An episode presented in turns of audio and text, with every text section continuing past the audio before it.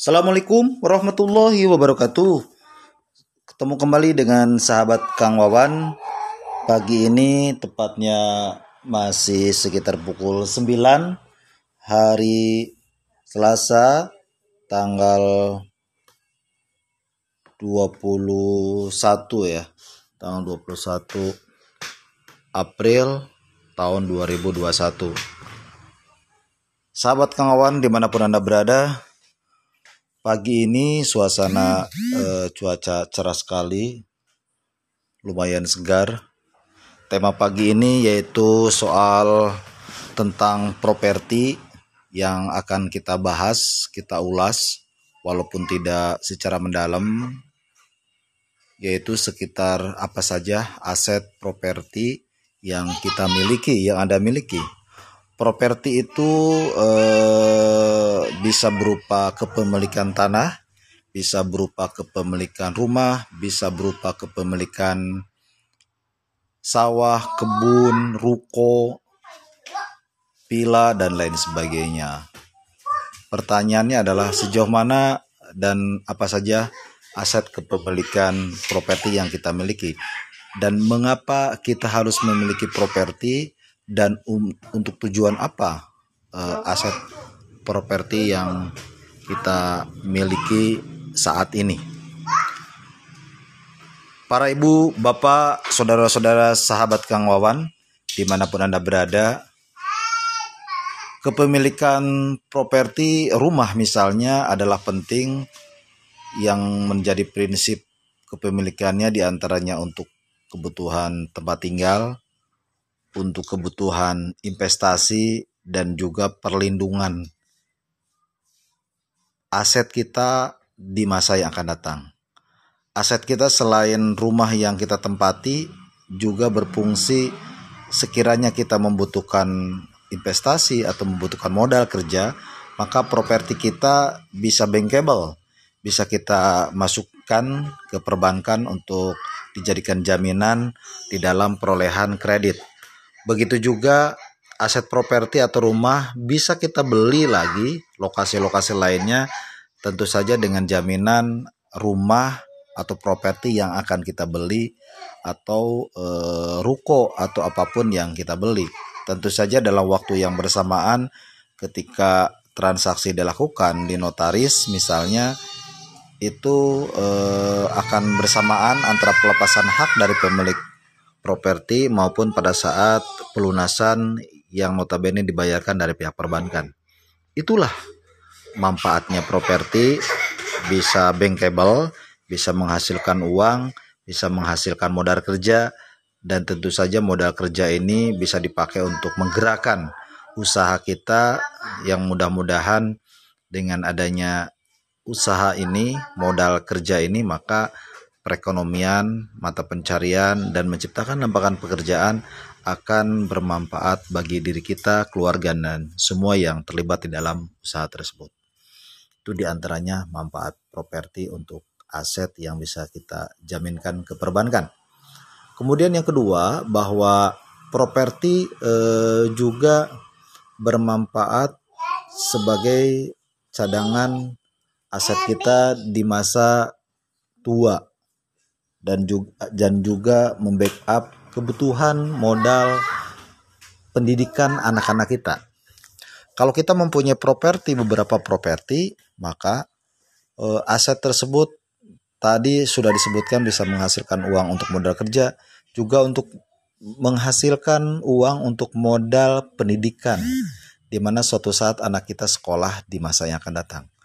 Uang tersebut bisa kita simpan, bisa kita rawat bisa kita eh, bahkan bisa kita ternak atau bisa kita putar. Yang pasti pada saatnya nanti anak-anak kita sekolah maka anak-anak kita mempunyai modal pendidikan yang tidak perlu lagi secara mendadak dana itu kita cari. Dengan properti yang kita miliki dengan beberapa properti yang kita miliki maka paling tidak pembiayaan pendidikan untuk anak-anak kita bisa diambil dari kredit yang kita lakukan dari aset modal jaminan properti yang kita lakukan.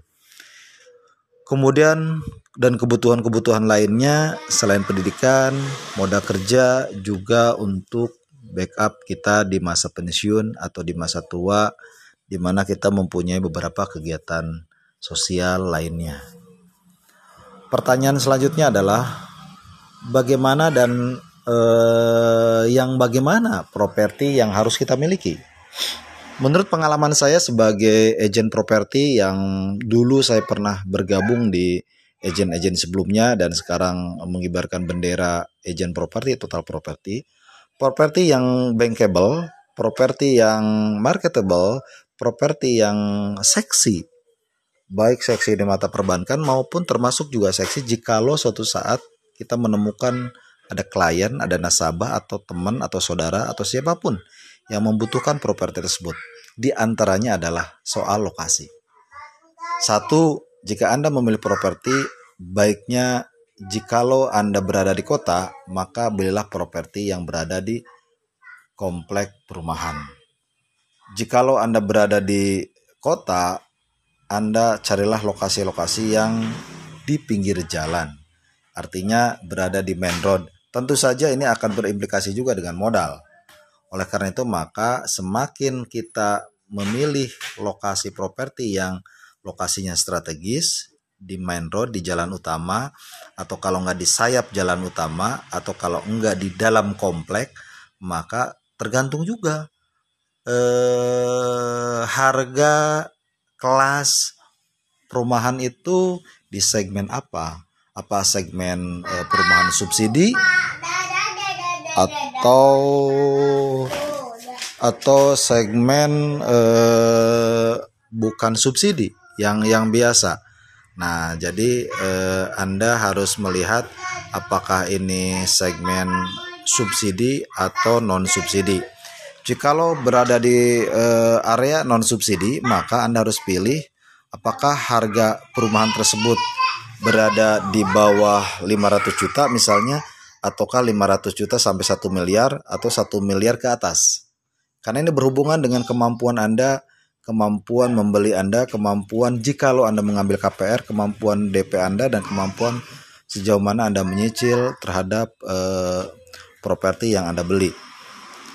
Itu soal lokasi. Yang kedua, eh, soal produk.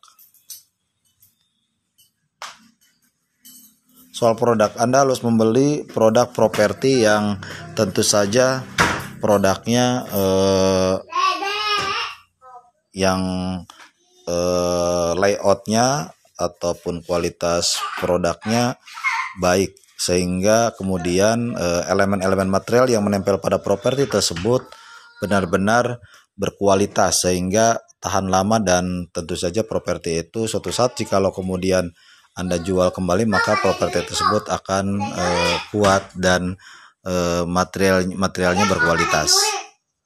Yang ketiga soal harga tadi sudah disampaikan dan keempat soal daya beli atau respon pasar terhadap properti tersebut maka harus Anda hitung uh, properti tersebut uh, direspon pasar dengan dengan baik. Makin uh, properti tersebut eh, layak jual atau peminatnya banyak, maka makin mudah Anda untuk kemudian mengkapitalisasi aset Anda tersebut. Oleh karena itu, janganlah beli properti di lokasi-lokasi yang kurang baik, di lokasi-lokasi yang harganya mahal dan suatu saat Anda jual kembali dalam posisi yang sulit untuk dijual. Itu saja dari kami tip-tip yang berhubungan dengan properti. Mudah-mudahan nanti disambung kembali dengan periode selanjutnya. Salam properti, salam dari podcast sahabat Wawan Darmawan. Terima kasih. Assalamualaikum warahmatullahi wabarakatuh.